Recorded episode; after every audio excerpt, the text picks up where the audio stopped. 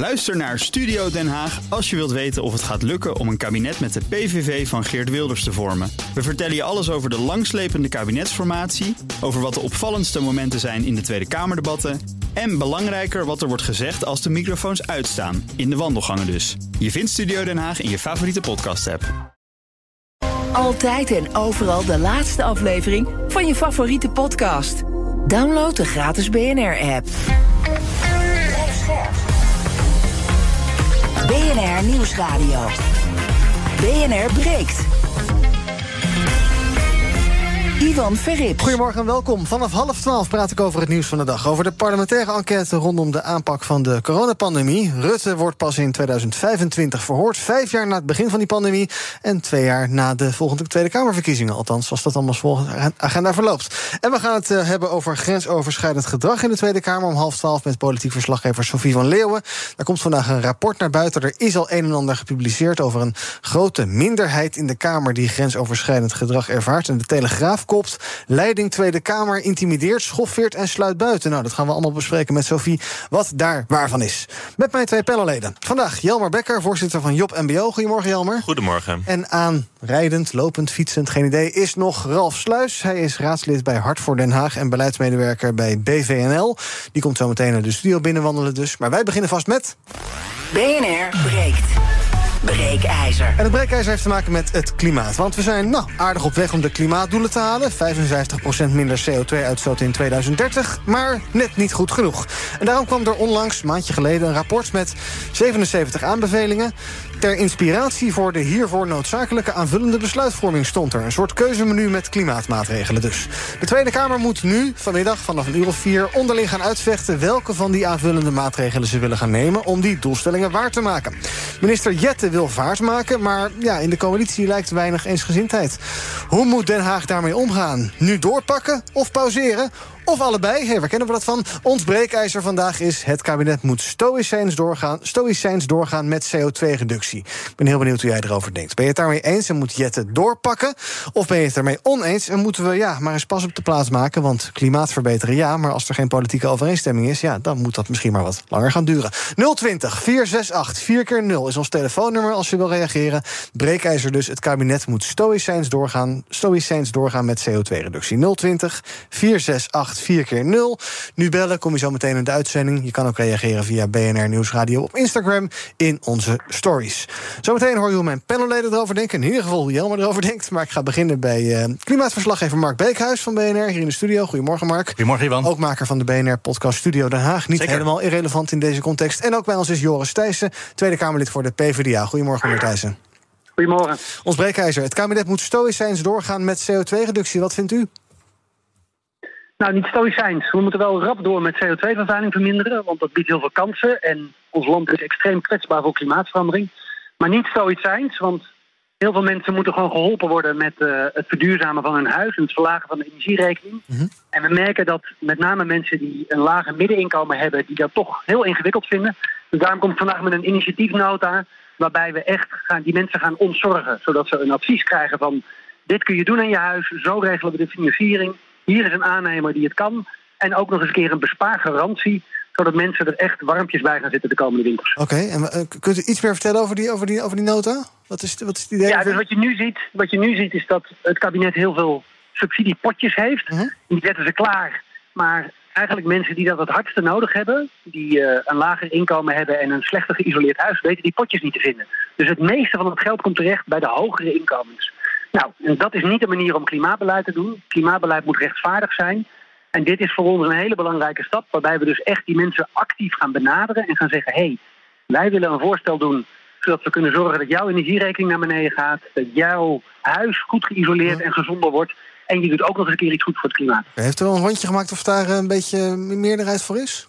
Nou, iedereen heeft hier altijd zijn mond vol van. Ja. Iedereen vindt het belangrijk dat iedereen het kan meemaken. Ja. Toch zie ik dat, uh, dat dat geld vooral gaat naar hogere inkomens. Dus ik dacht, nou, ik ga het nu eens opschrijven in de initiatiefnota, samen met GroenLinks. En ik ga het maar eens even ja, heel precies ja. maken. Heeft u dat en dan rondje... mogen de partijen zeggen wel of ja. dat ze ervoor zijn of tegen. Heeft u dat rondje al gemaakt of nog niet? Nee, nee, nee dat is natuurlijk het debat. Ja. Dat gaan we, vanmiddag beginnen we met dat debat. En uh, dat gaan we de komende weken met elkaar voeren. Oké, okay, maar er gebeurt ook wel een beetje voorwerk af en toe, toch? Ja, zo af en toe doe je voorwerk. En uh, wat ik zeg, we zijn, uh, okay. ik heb dit uh, de afgelopen twee jaar hoog op de politieke agenda gezet, samen met heel veel organisaties. Nu is het tijd om kleur te bekennen. Ja, meneer Thijs, ik praat zo met u verder. Uh, Jelmer, ons breekijzer. Het kabinet moet stoïsch zijn zorgen met CO2-reductie. Nou ja, uh, hetzelfde wat uh, het kabinet ook al zei... is niet stoïcijns, maar wel door. en ook op de persoonlijke maat. Ja. Um, ik, ik, vind het een beetje zwak als je uh, een, een, nederlaag hebt gepakt in de, in, in de Eerste Kamer. Uh, je hebt plannen wel, wel plannen gemaakt. En mm -hmm. nu denk je, oh ja, mensen zijn er niet voor. Uh, voor die verandering. Nu gaan we een beetje in de hakken in het zand zetten. Ja, als je geen eensgezindheid meer hebt, dat kan natuurlijk ook. Dan weet je, wat moet je dan doen? Nou ja, ik denk dat het vooral gaat omdat je, dat het mensen ontevreden zijn. En het gaat niet per se om klimaat. Het gaat om een heleboel dingen. maar dan is het juist belangrijk dat je juist die, die men, mensen die zich benaderen benaderd hebben gevoeld door beleid van de overheid. Uh, uh, maar wel baat bij hebben voor, voor een, een, een, een duurzame mm -hmm. woning of uh, een lage energierekening. Ja. Die, dat, die, die dat dan beter te weten komen. Ja. Daarom is dat belangrijk dat je daarvoor inzet. Mark, even kort, want meneer Thijs moet zo weg. Dus we willen hem zo nog even wat vragen. Ik ga niet zo vragen wat jij ervan vindt, maar wel naar wat jouw inschatting is van de haalbaarheid van die extra maatregelen. Want wij stonden hier een maand geleden ook. Toen was dat IBO-rapport net gepubliceerd. Er staat hartstikke veel in. En eigenlijk moet je het allemaal doen, wil het zin hebben, toch? Ja, niet alles. Mm. Er is één pakket maatregelen waarvan ze zeggen: dit zou ik zeker doen. Uh, maar je zou ook bijvoorbeeld de landbouw kunnen willen ontzien, want daar hebben we al genoeg problemen mee in de afgelopen tijd. Consequentie daarvan is dat dat in andere sectoren meteen keihard toeslaat daarna. Dus uh, dat soort uh, uitzonderingen die moet je met, met mate, denk ik, toepassen. Mm -hmm. En uiteindelijk, het gaat om 22 megaton. Dat is wel heel veel hoor. Mm -hmm. maar aan de andere kant, als je al die maatregelen bij elkaar optelt, dan kom je er op een heel aantal combinaties, kan je er komen. Dus haalbaar ja. En ik hoor ook uit Den Haag van Kamerleden dat ze zeggen: ja, we zijn net begonnen. Uh, natuurlijk hebben we nog niet een overeenkomst. Maar uh, we komen er wel uit. Ja, en het plan van meneer Thijssen, wat we net hoorden? Uh, ja, dat is iets waar volgens mij zelfs uh, de minister al een beetje op heeft toegegeven. Mm -hmm. Die heeft al geld voor bijvoorbeeld Fixit-brigade-achtige constructies uh, gereserveerd. een maand of twee geleden. Dus nou, daar maakt hij misschien ook wel een kans mee. Oké, okay. meneer Thijs, is dat in de uitvoering ook allemaal te doen? Want we kennen allemaal de, de arbeidstekorten in dit soort sectoren. En de overheid en de oplossend vermogen en daadwerkelijk uitvoerend vermogen is ook niet heel groot. Dus ziet u het daar niet stuk lopen? Nou ja, dat is een grote uitdaging. Dus je moet inderdaad ruimhartig zorgen dat je als Rijk en als gemeentes hiertoe, dat je, ja, dat je de gemeentes hiertoe in staat stelt. Uh, we weten behoorlijk goed waar de mensen wonen die in slecht geïsoleerde huizen zitten en die een wat lager inkomen hebben. Uh, er zitten er ook mensen tussen die in energiearmoede leven. Dus uh, ja, zorg er nou voor dat je het geld wat je hebt en de capaciteit die je hebt, dat je die vooral richt op de mensen die dat het hardste nodig hebben. Um, en dat zijn de mensen in energiearmoede of mensen die nou, niet in energiearmoede zitten, maar wel heel, heel erg geholpen zouden worden met een goed geïsoleerd huis. Ja, daar moeten we in eerste instantie op inzetten.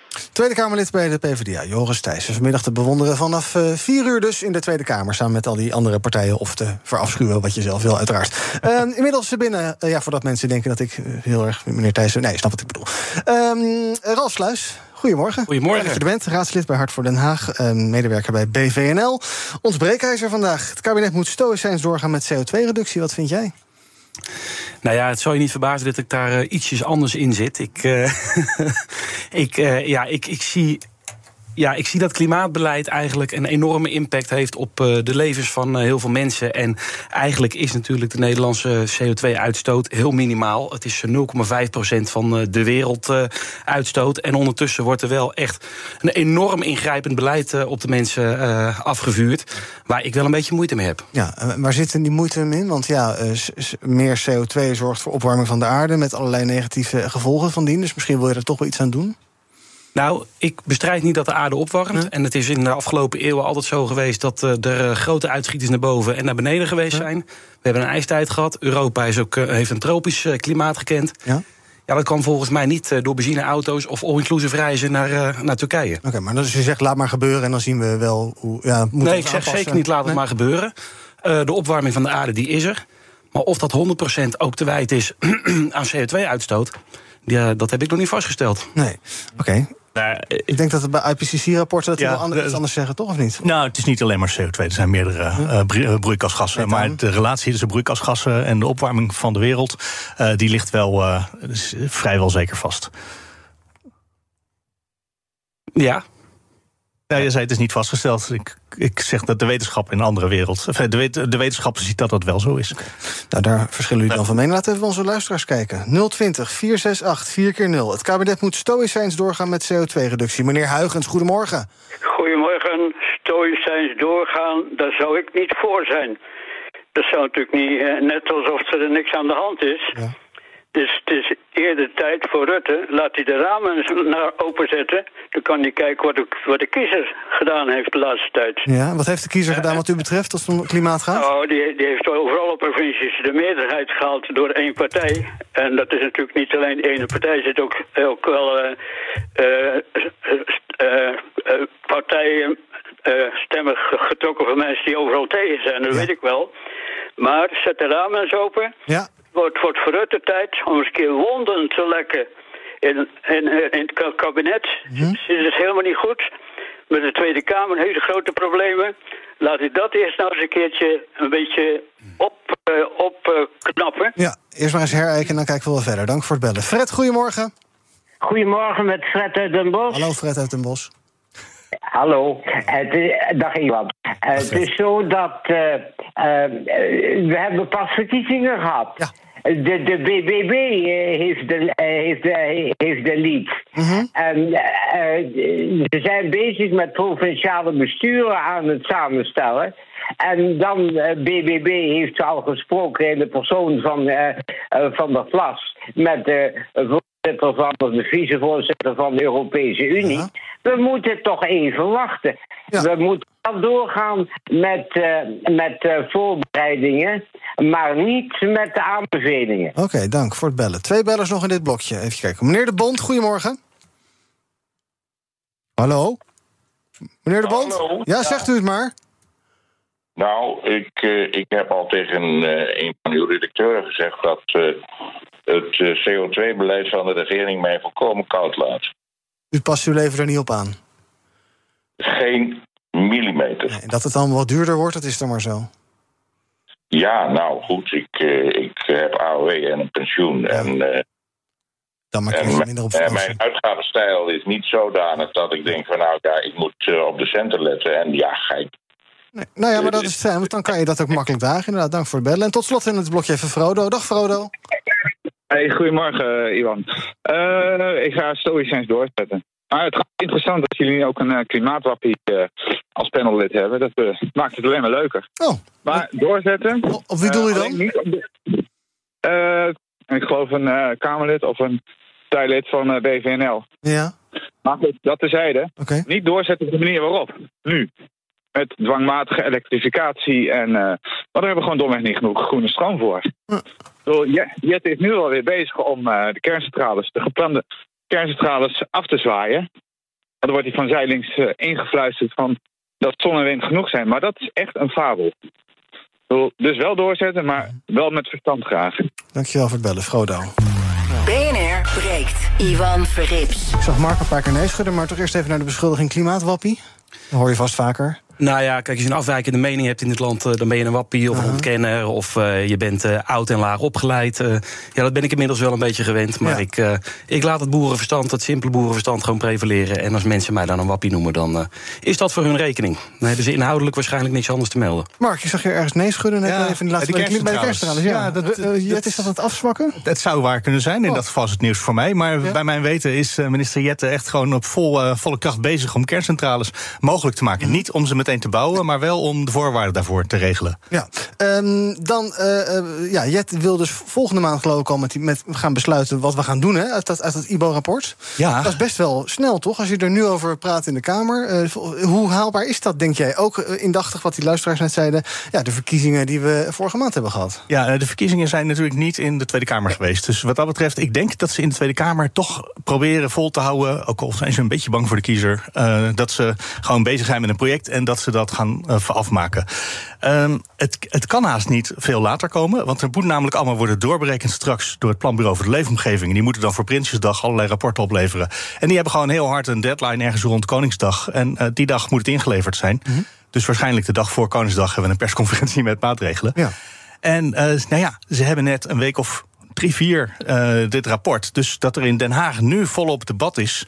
Ja, dat is niet zo gek. Want je kan natuurlijk heel veel maatregelen. Wil je bijvoorbeeld wel of niet een belasting op vlees? Mhm. Dat is een van de maatregelen die erin staat. Nou, daar zijn Nederlanders niet zo voor te porren. Ik geloof ook niet dat dat een van de maatregelen gaat worden. Maar goed, daar hebben we dan een dagje in de Telegraaf over kunnen lezen dat dat ertussen stond. Ja. Eh, je kan ook zeggen, we moeten meer openbaar vervoer eh, bijvoorbeeld stimuleren. Eh, dat is een van de andere maatregelen. En dan hoef je bijvoorbeeld, dan, als je dan zo'n hele dure elektrische auto zou moeten kopen, hoeft dat misschien als, niet als je briljant openbaar vervoer hebt. Mhm. Bovendien maak je het daarmee, dat zei Laura van Geest ook, die het rapport maakte, dat IBO, dat Ja. eh, rapport met al die, eh, al die maatregelen. Die zei, dan, voor, de, voor de mensen met de laagste inkomens hou je het daarmee misschien betaalbaar. Want je moet er ook voor zorgen dat heel Nederland het wel mee kan maken. Nou, misschien is dan openbaar vervoer, dat is niet misschien de eerste keuze voor iedereen, maar wel eentje die iedereen kan betalen en die Nederland ook goed kan dragen. Mhm. Ja. Dus ja, dat soort keuzes. Maar daar, ja, nou ja, is het haalbaar? Nou ja, om daar, kunnen. om daar in een maandje een besluit over te nemen, vind ik best pittig. Maar het zal dus moeten, omdat die deadline zo hard is. Eh, Jelmer, even de, eh, de te- Telegraaf laten resoneren dan nog maar. Eh, belasting op vlees? Nou, eh, ik, ik weet het niet. De, eh, als je kijkt naar de mensen, als je zomaar een belasting op vlees doet, dan gaan een heleboel mensen gaan met een hand omhoog die zeggen van ja, dat, dat kan niet, dat wil, moet je niet doen. Ook omdat ze dagelijks eten. En wat je er ook van vindt, als je mensen iets afpakt wat ze dagelijks gebruiken, ja, dan gaat dat voor heel veel onrust zorgen. Dus ik zou dat misschien op die manier niet, niet aanpakken. Ik denk dat je een heleboel andere manieren hebt om dat wel aan te pakken. Ik denk, nou, je hebt kernenergie, je hebt net ook een heleboel eh, voorbeelden genoemd die je wel kan doen. En ik vind eh, dat we meer op de eh, dingen die we wel kunnen doen moeten focussen. Eh, ik ga hier geen klimaatdiscussie voeren, dat heeft ook helemaal geen nut. maar ik, ik denk dat het wel nodig is dat je samen eh, een, een goed bericht naar eh, het volk kan brengen. Dat je duidelijk bent in wat je gaat doen. Dat je niet te veel gaat belasten op de mensen die het niet kunnen betalen. En als je dat op een goede manier, rustige manier kan brengen. En als dat binnen een maand kan, heel top. Nou, ik, we zijn benieuwd eh, of dat wel gaat lukken. Als je dat doet, met respect voor de burger, dan ga je iets kunnen bereiken. Maar als jij eh, eh, van de hoogste torens dingen gaat roepen die sowieso on- onpopulair zijn, ja, dan ga je niet mensen tevreden mee houden. En ik denk dat vooral nu die vertrouwen in de, in de overheid en de politiek belangrijk is. Dus maak daar belangrijke De vraag is of je met alleen maar leuke maatregelen bereikt wat het doel is, wat er afgesproken is. Eh, dat is de, en die, ik denk dat heel veel mensen toch het vervelend zullen vinden als er minder koeien in de wei mogen staan, omdat methaan een probleem is, bijvoorbeeld. Eh, en ja, kom je dan tot die afgesproken 60% reductie, 22 megaton, wat je daarvoor nodig hebt nog. Eh er zitten vast ook een paar dingen in die, zo- zoals van de ChristenUnie Kamerlid het zei, die vanaf een jaar, een jaar of 2025 beginnen te bijten. En waarop Laura van Geest tijdens een hoorzitting in de Kamer zei: Ja, natuurlijk, want we willen in 2030 dingen bereikt hebben. En dus vanaf 2025 ga je daar wel al wat van merken in je dagelijks leven. Ja, maar ja, we, we merken van heel veel dingen. die- merken we nu ook al de hoge eh, eh, prijzen voor studenten, voor, eh, voor mensen met weinig inkomen in de supermarkt. Je, je gaat nooit iedereen tevreden houden. Maar wat we wel moeten doen, is die harde keuze maken. En daarom is zo, hè, daarvoor heb je debat in de politiek. Het is niet zo dat de coalitie allemaal eengezin zijn. En misschien is dat ook wel goed. Want daardoor heb je dat gesprek om te verzorgen dat wel de juiste maatregelen worden gebracht. In plaats van dat het in één keer door de Kamer heen wordt geramd en dan is het klaar. Dus misschien, daar, misschien is het wel goed dat er een hard gesprek over wordt gevoerd tussen de We hebben coalitiepartijen. trouwens geloof ik onlangs wel meerdere rapporten gehad... waarbij ook wel de vraag is in hoeverre het helpt om belastingen te verhogen en dergelijke. En in hoeverre dat daadwerkelijk iets zo ja, belasting daadwerkelijk- verlagen bij groenten schijnt niet zo effectief te zijn. Bijvoorbeeld. Eh, maar ja, als je Maar ja, bijvoorbeeld wat. maar bij zo'n Ja? vliegtax, ja, dan blijven we ook wel... We gaan misschien andere mensen vliegen, maar die blijven vast wel vliegen. Ja, en misschien gaan we minder vaak per jaar vliegen. En dan bereik je natuurlijk iets. Dat Ja. is eh, de vraag. Je merkt wel dat er in de Tweede Kamer, want ik zeg steeds heel opgewekt, ze komen er wel uit. Ja. Je merkt dat eh, de VVD is altijd van ja, we zijn hartstikke voor klimaatbeleid, maar we gaan het nu even niet doen. Eh, het CDA eh, zit een klein beetje in de contramine in de laatste maanden. En dat was eerst als het over energiebeleid ging, dan waren ze eigenlijk allemaal heel enthousiast. En nu gaat het over klimaatbeleid. En dan wordt het ineens, ja, ik maak me zorgen over deindustrialisatie, bijvoorbeeld. Eh, of eh, ik zie in het rapport van het IBO eh, dat u risico's dubbel telt, die we bij de klimaat- en energieverkenning keer tellen. En die komen hier nog, en die vermenigvuldigen dan met elkaar. En dan komen we tekort. Moeten we daardoor maatregelen nemen met weer dat risico van dubbel tellen. Waardoor we volgend jaar weer extra maatregelen moeten nemen. Juist omdat we steeds allerlei risico's blijven dubbel tellen. Eh, de- dat soort eh, weerstand zie je nu ineens. En dat is toch, eh, ja, dat, is, zijn twee grote partijen samen in, de, in de fractie. Eh, de, overigens, Van Geest en ook haar eh, collega's die bij die hoorzitting waren, die zeiden nee, maar dit zijn echt andersoortige risico's. Dus we tellen ze helemaal niet, se- te- te- niet samen, die, niet dubbel die risico's. Maar eh, je merkt dat het enthousiasme bij het CDA veel minder groot is dan bij, eh, nou zeker D66 en ook de ChristenUnie wel. Luister nog heel even mee naar het onderdeel bedrijven... die eh, zijn op zich welwillend, hoorden we vanochtend zeggen bij monden van Olof van der Graag. En die is van de Nederlandse Vereniging Duurzame Energie, die een campagne start. Er zijn bijvoorbeeld organisaties die zeggen: wij kunnen inderdaad eh, batterijen bij zon- en windparken gaan plaatsen, zodat uh, stroom beter benut wordt. Holland Solar zegt: wij kunnen ook uh, zonne-energie op zee op gaan wekken en dan hebben we nog meer duurzame stroom. en er zijn ook bedrijven die zeggen: er mogen wel wat strenge maatregelen bij. Dus bijvoorbeeld een verbod op leaseauto's met een uitlaat. geen benzine- en dieselauto's in de lease meer vanaf 2025, maar alles emissieloos. Ik zie hier al weer twee keer nee schudden. Ja, ik vind het allemaal wel opmerkelijk wat er allemaal uh, gezegd wordt. Ja. Uh, wat u net ook zegt over dat het CDA misschien wat minder enthousiast geworden is. Ja, die zijn bang voor de kiezer geworden. Ja, afgeslacht. Ja, kijk, uh, de, de, de, echte zorgen van de mensen thuis zijn koopkracht, veiligheid, goede zorg, goed onderwijs, een woning. Om maar eens wat te noemen. Mm -hmm. Ja, het CDA is er ook wel achter gekomen dat dat uiteindelijk de echte zorgen zijn van mensen thuis. En wij moeten allemaal maar geloven dat de mensen allemaal relatief een rietje op de bank zitten voor het klimaat. Wat verandert. Maar de echte zorgen zijn die ik net noemde. En ja. dat ziet de politiek nu ook wel in. Hoe, deel jij, hoe, hoe weeg jij al die zorgen bij elkaar, Mark? Ook een beetje in jouw uh, uh, rol als podcast-host Studio Den Haag? Ja, zijn al... Oh, die angst is zonder meer toegeslagen ja. in Den Haag. Dat is absoluut waar. En daar zit ook vast een deel van de, het voorzichtige weerstand bij het CDA in. Dat betekent niet dat het andere probleem niet bestaat. En ik denk dat er toch wel veel realisme zit bij de coalitiepartners. En bovendien ook de dwang van het coalitieakkoord. Hè. We hebben natuurlijk nu D66 uh, met de stikstof uh, zover. Dat, uh, nou ja, als je het aan Leendert Benkman vraagt, collega in Den Haag. dat die, die zegt, nou, D66 gaat nog wel door de pomp met de stikstof. Die gaan wel toegeven. Maar dan kan je toch niet op je andere hoofdonderwerp ook toegeven. Dat je zegt, nou, dan CO2 laten we ook zitten. Uh, dat kan je zo'n partij niet vragen. En dus nu beginnen we een beetje te komen op het moment dat de regering last begint te krijgen van. We hebben natuurlijk een jaar lang die coalitieonderhandelingen gehad. Ja. Met, en die ging eigenlijk over de vraag: mag Mark Rutte de regering leiden? Voor de rest ging het eigenlijk nergens over, alleen maar dat. En daar heeft D66 uiteindelijk op toegegeven. Zei: oké, okay, maar dan willen we wel een heleboel terug. En als je dat nu dan weer moet inleveren. Dat kan je van die partij niet vragen. Nee. Dus dan, dan valt de regering. En daar is ook Mark Rutte niet op uit. Tot slot, jij zegt uiteindelijk komen ze er wel uit. En je ziet dus nog geen. Althans, dat, ja, wat, dat, wat ik dat denk maak ik ervan. En je ja? ziet dus nog geen uh, uh, partijen die proberen om ook op dit gebied het coalitieakkoord open te wrikken. Want, nou, ja, wat, ik, wat ik denk dat er gebeurt, is dat ze vlak voor Koningsdag uh, een soort uh, het eens worden over een groot hoofdpakket. En dat ze dan nog tot uh, Prinsjesdag en de vergaderingen die daarna komen over de begroting voor volgend jaar. de tijd nemen om allerlei kleine variaties daarop te doen. En die zijn dan niet doorgerekend door het planbureau, maar in grote lijnen weet je wel waar je staat. Zoiets zal het vast worden. Ons breekijzer vandaag. Het kabinet moet stoïcijns doorgaan met CO2-reductie. Op onze Instagram-pagina is 53% en daarmee oneens. Daar kan je nog de hele dag van je laten horen.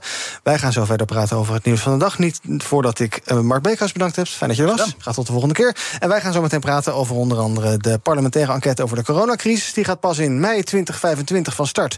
Dat is dik vijf jaar na het uitbreken van de coronapandemie. En we praten over sociale veiligheid en grensoverschrijdend gedrag in de Tweede Kamer. Er komt vandaag een rapport daarover uit. En er is al een en ander gelekt, onder andere via ANP en de Telegraaf. Daar gaan we zo meteen over praten met onze politiek verslaggever Sophie van Leeuwen. Zometeen bij BNR Breek. Tot bij BNR ben je altijd als eerste op de hoogte van het laatste nieuws. Luister dagelijks live via internet. Bas van Werven. En heel langzaam komt de zon op rond dit tijdstip. Je krijgt inzicht in de dag die komt op BNR, het Binnenhof in Nederland en de rest van de wereld. De Ochtendspits. Voor de beste start van je werkdag. Blijf scherp en mis niets.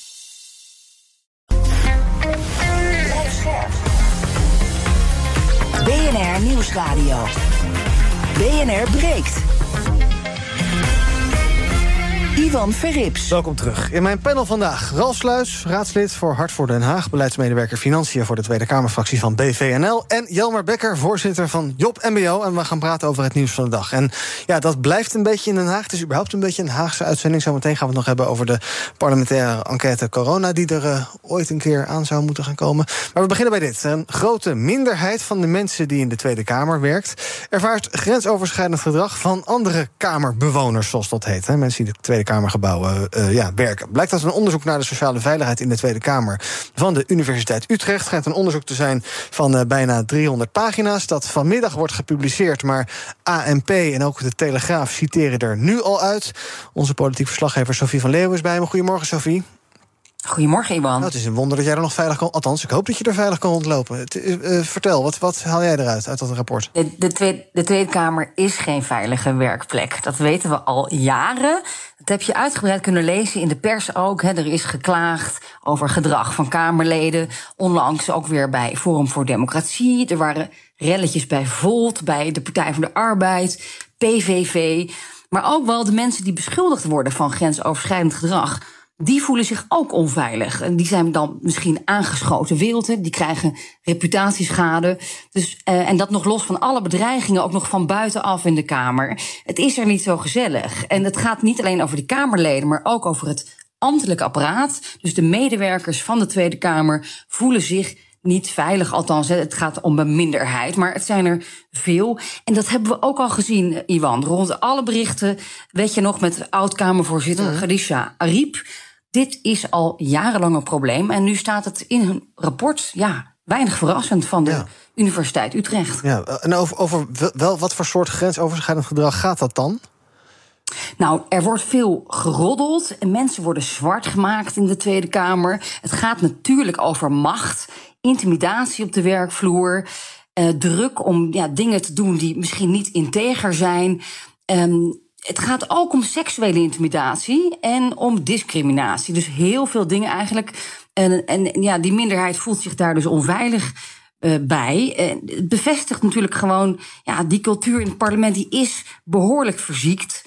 En uh, ja, er wordt uh, van alles nog wat politieke spelletjes natuurlijk achter je rug om wordt gepraat. Het, het, is, het is niet leuk. En nou, nogmaals, dat wisten we al. Maar nou, bij deze is dat dan bevestigd. Ja, mensen durven niet te melden. Mensen die wel melden voelen zich niet veilig om dat te doen. Al dat soort zaken.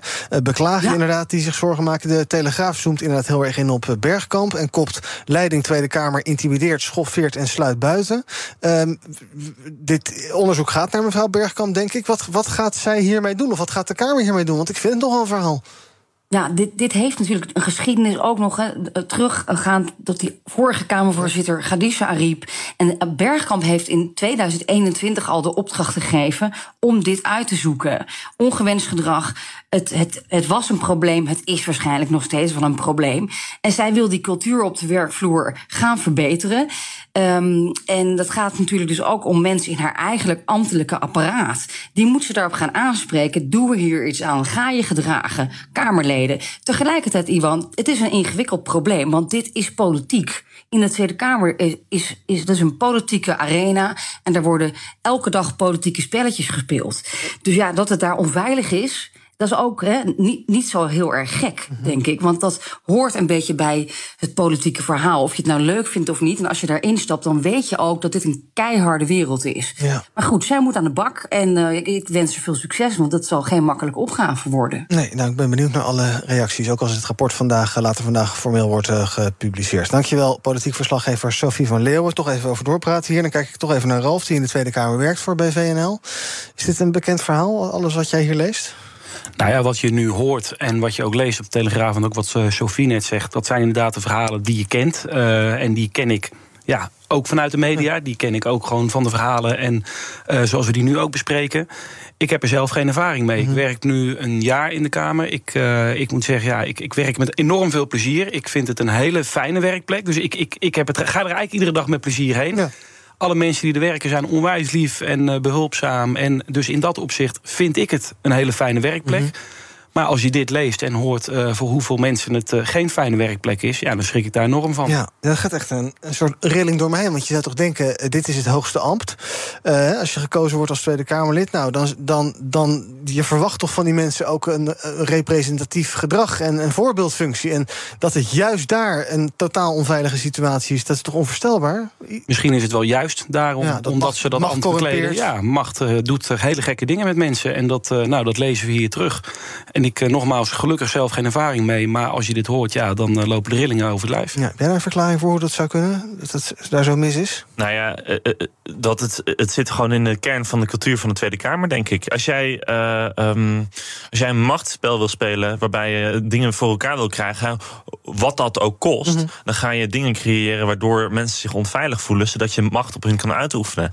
Dat is de, ja, dat zie je in media misschien niet zozeer, maar ja, misschien nu wel. Mhm. Maar dat is hoe er er gespeeld kan worden. En als dat in de kern van de, uh, de samenwerking tussen partijen, tussen medewerkers en de Kamerleden zit, ja, dan, dan ga je dit gedrag. Is gewoon, het is gewoon een kweekvloer voor uh, voor dit gedrag. Ja, nou, je zou natuurlijk hopen dat dat gevecht wat daar geleverd moet worden, dat dat op de inhoud is. En dat dat niet ook daadwerkelijk in allerlei uh, persoonlijke omstandigheden doorspeelt. En dat je inderdaad hard op de, op de bal bent, maar zacht op de man. En dat gebeurt dus blijkbaar niet. Nee, we hebben natuurlijk in de afgelopen jaren wel vaker gezien dat sommige uh, politici het gevoel hebben dat ze in een soort aflevering van House of Cards zitten. Ja. En dat ze alles maar kunnen inzetten en alles maar kunnen doen om hun doel te bereiken. Maar dat is natuurlijk helemaal niet waar. Dat doe je inderdaad op inhoud. En dan gaat de kiezer daar op een gegeven moment een oordeel over vellen. En dan zegt hij, je hebt het goed gedaan of je hebt het niet goed gedaan. Maar dit soort spelletjes, dit soort ja, intimidaties, dat is, dat is verschrikkelijk. Ja, nou, het verklaart uh, misschien ook wel uh, waarom die politiek zo uh, ja, contraproductief is de laatste jaren. Ja, het is ja. natuurlijk alleen maar met zichzelf bezig. Dat zie je nu weer. Het gaat er vandaag weer over. En voor het aanzien van de politiek is het natuurlijk buitengewoon schadelijk weer dit soort zaken. Los van wat er op inhoud gebeurt, uh, die soms ver te zoeken is. Ja, als dit nu naar buiten komt weer en je dit hoort, kan ik me heel goed voorstellen dat mensen thuis denken: Nou, wat een zoortje daar, dit moet ons dan vertegenwoordigen. Is het uh, tijd voor een uh, vaste onafhankelijke commissie die hier gewoon in de Tweede Kamer uh, kampeert en de, de orde gaat houden? Of hoe, hoe zie jij dat? Ja, ik, ik, ik denk dat je daar een heel goed punt raakt. Kijk, als je natuurlijk ziet de rol van verschillende Kamervoorzitters ook, en die natuurlijk ook voorzitter van het presidium zijn, ja, dat is een politieke rol. Dat is uiteindelijk een politieke functie die afhankelijk is van de gunning van de andere partijen. Dus je bent niet onafhankelijk als voorzitter. Dat kun je nog wel zeggen. En op papier moet het ook zo zijn, en in de praktijk moet het ook zo zijn. Maar dat is het niet. Dus als je daar inderdaad een onafhankelijke commissie in zet... die er gewoon met een bottenbijl af en toe doorheen kan... en zegt tot hier en niet verder... denk dat dat heel goed is. Goed, ik zei het al, later vandaag, begin deze middag... geloof ik de formele presentatie van het rapport. Dan zullen we ongetwijfeld ook alle reacties horen uh, hier. En uh, uh, later vandaag ook in de Daily Move hier op BNR.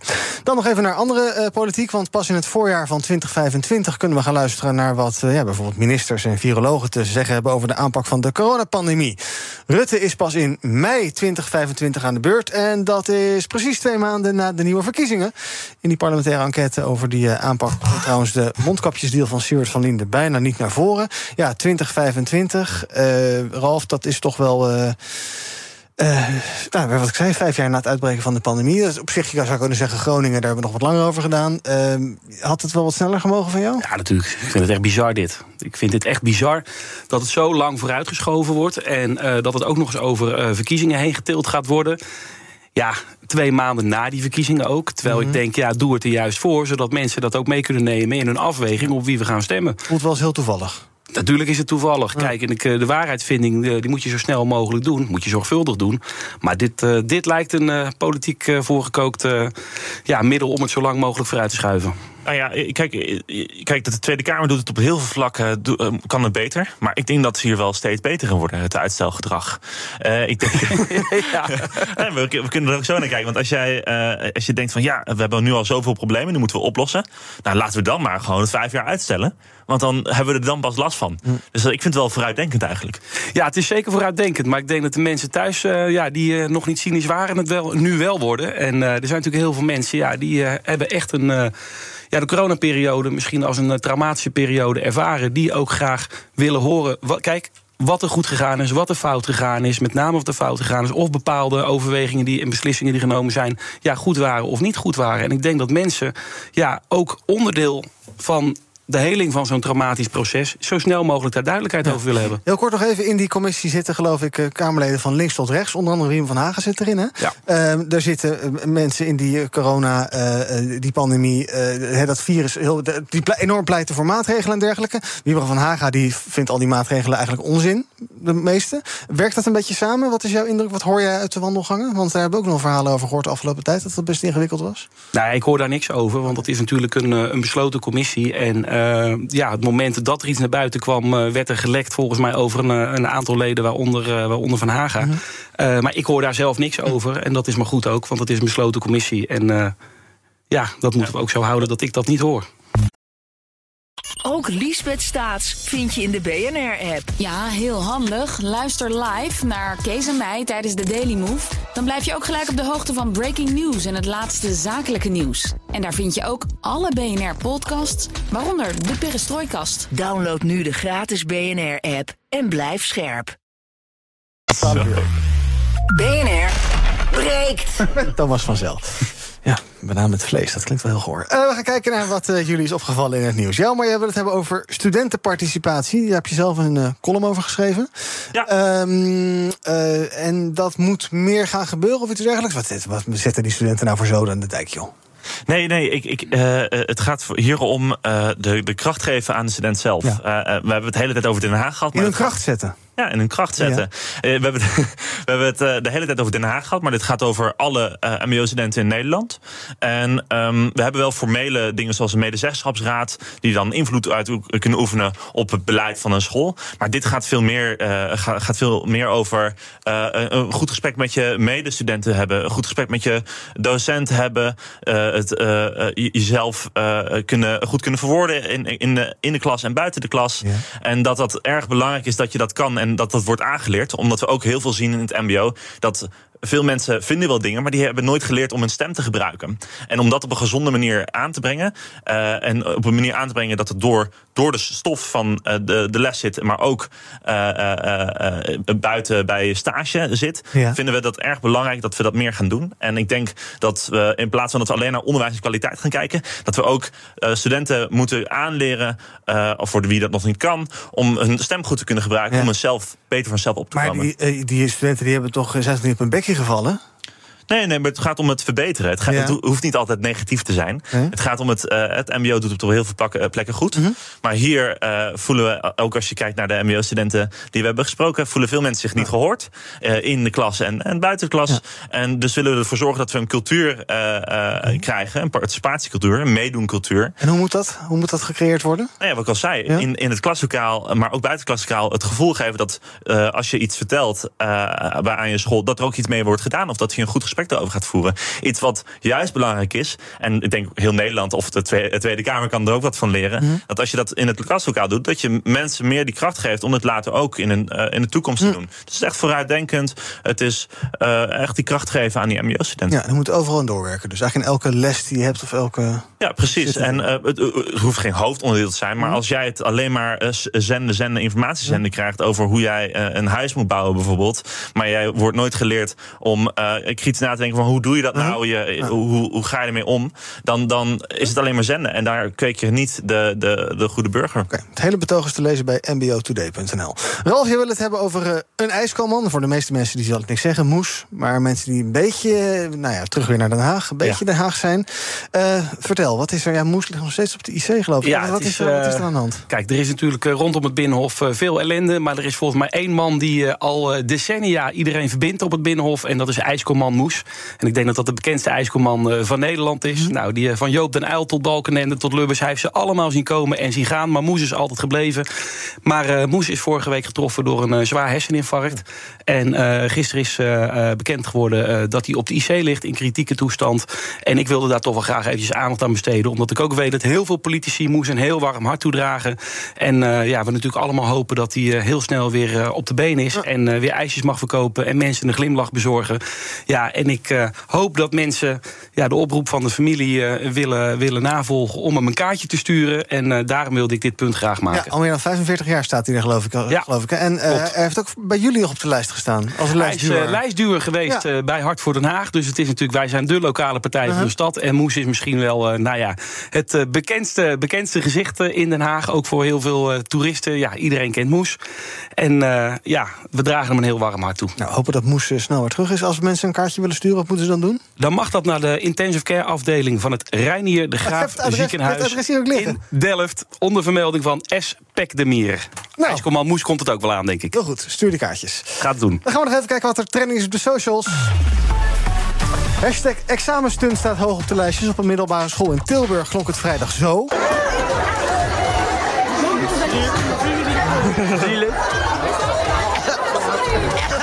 Ja. Het was geen sigaret, maar leerlingen maakten de briljante keuze om roogbommen in het gebouw af te steken.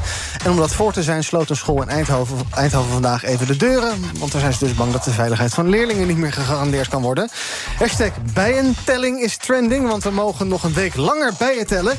Eigenlijk was het de bedoeling om dit weekend eh, de bijentelling te houden. Maar door het koude weer zoomden er maar weinig bijen door de tuin. Dus blijkbaar verleng je dan de termijn en dan kan je vanzelf meer bijen tellen. Dan zou je afvragen, goh, hoe zinnig is dat eigenlijk? Maar oké. En hashtag SpaceX doet het goed. Want als het goed is, klinkt het daar vanmiddag zo. Ignition. Engines full power. And lift off.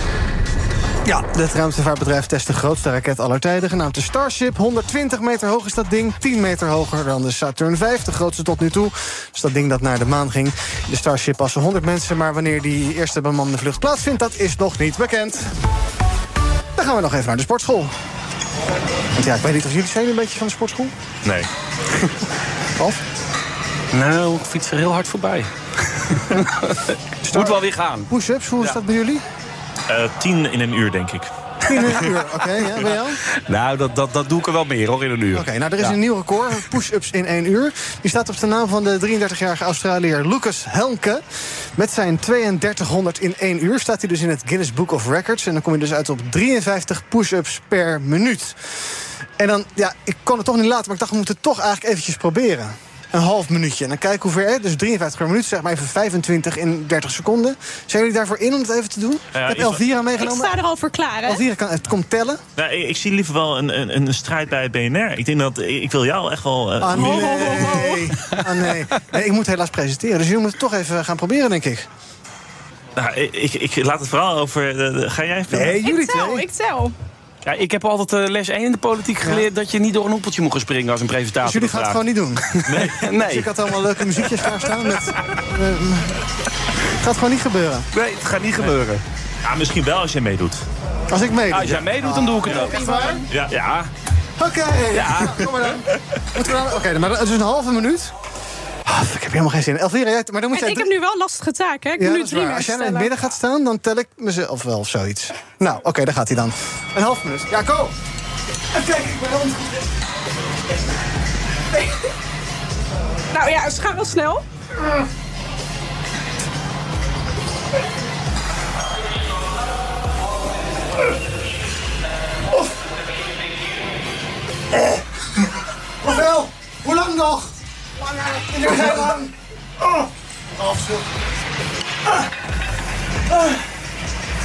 Het duurt dit lang.